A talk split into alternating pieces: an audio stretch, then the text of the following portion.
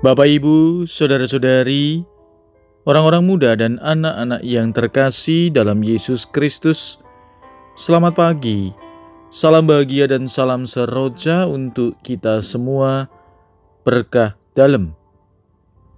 Bersama dengan saya, Romo Antonius Garbito Pambuaji menyampaikan salam dan berkat Allah yang Maha Kuasa. Dalam nama Bapa dan Putra dan Roh Kudus. Amin. Hari ini Kamis 21 Januari dalam pekan biasa kedua. Bertepatan dengan peringatan wajib Santa Agnes, perawan dan martir. Bacaan pertama dalam liturgi hari ini diambil dari surat kepada orang Ibrani bab 7 ayat 25 sampai dengan bab 8 ayat 6. Bacaan Injil diambil dari Injil Markus bab 3 ayat 7 sampai dengan 12. Sekali peristiwa, Yesus dengan murid-muridnya menyingkir ke danau dan banyak orang dari Galilea mengikutinya, juga dari Yudea, dari Yerusalem, dari Idumea, dari seberang Yordan, dan dari daerah Tirus dan Sidon. Mereka semua datang kepadanya karena mendengar segala hal yang dilakukannya. Ia menyuruh murid-muridnya menyediakan sebuah perahu baginya karena orang banyak itu supaya mereka jangan sampai menghimpitnya. Sebab ia menyembuhkan banyak orang sehingga semua penderita penyakit berdesak-desakan kepadanya, hendak menyentuhnya. Setiap kali roh-roh jahat melihat dia, mereka sujud di hadapannya dan berteriak, Engkaulah anak Allah. Tetapi ia dengan keras melarang mereka memberitahukan siapa dia. Demikianlah sabda Tuhan, terpujilah Kristus. Saudara-saudariku yang terkasih dalam Yesus Kristus, dalam kehidupan sehari-hari, bila kita mendapat pengakuan dari teman, sahabat, atau rekan kerja soal prestasi atau kinerja kita yang baik, itu adalah hal biasa. Namun, bila eksistensi kita mendapat pengakuan dari mereka yang tidak suka dengan keberadaan kita atau kompetitor kita, itu baru luar biasa. Yesus hari ini diakui oleh roh-roh jahat.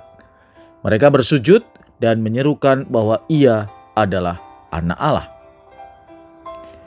Selain sebagai pribadi yang visioner, renungan kemarin Yesus juga hari ini tampil sebagai pribadi yang memiliki integritas dalam hidupnya. Artinya, apa yang ia sampaikan dalam pengajaran ia wujudkan atau laksanakan dalam tata kehidupannya. Maka dari itu kuasa Yesus menjadi sangat nyata.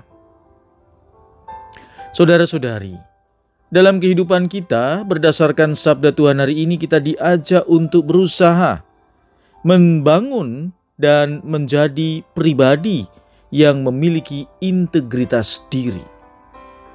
Bukan persoalan mudah, tetapi bukan tidak mungkin. Mengapa tidak mudah? Karena hidup kita harus sejalan dengan prinsip hidup kita. Tata lahir harus sesuai dengan tata batin, begitu juga sebaliknya. Tidak mudah juga bisa disebabkan karena kecenderungan kita untuk melakukan hal yang bertentangan dengan perkataan kita. Perasaan dan keinginan yang tidak teratur sering melemahkan kita, misalnya karena ketakutan, kemalasan, atau bahkan kesombongan. Membangun integritas menjadi mungkin jika kita bersikap disiplin. Disiplin dalam menjalankan komitmen kita dan hidup senantiasa mempersatukan diri dengan hidup Kristus. Santa Agnes yang kita peringati hari ini membangun integritas dirinya dengan penuh perjuangan.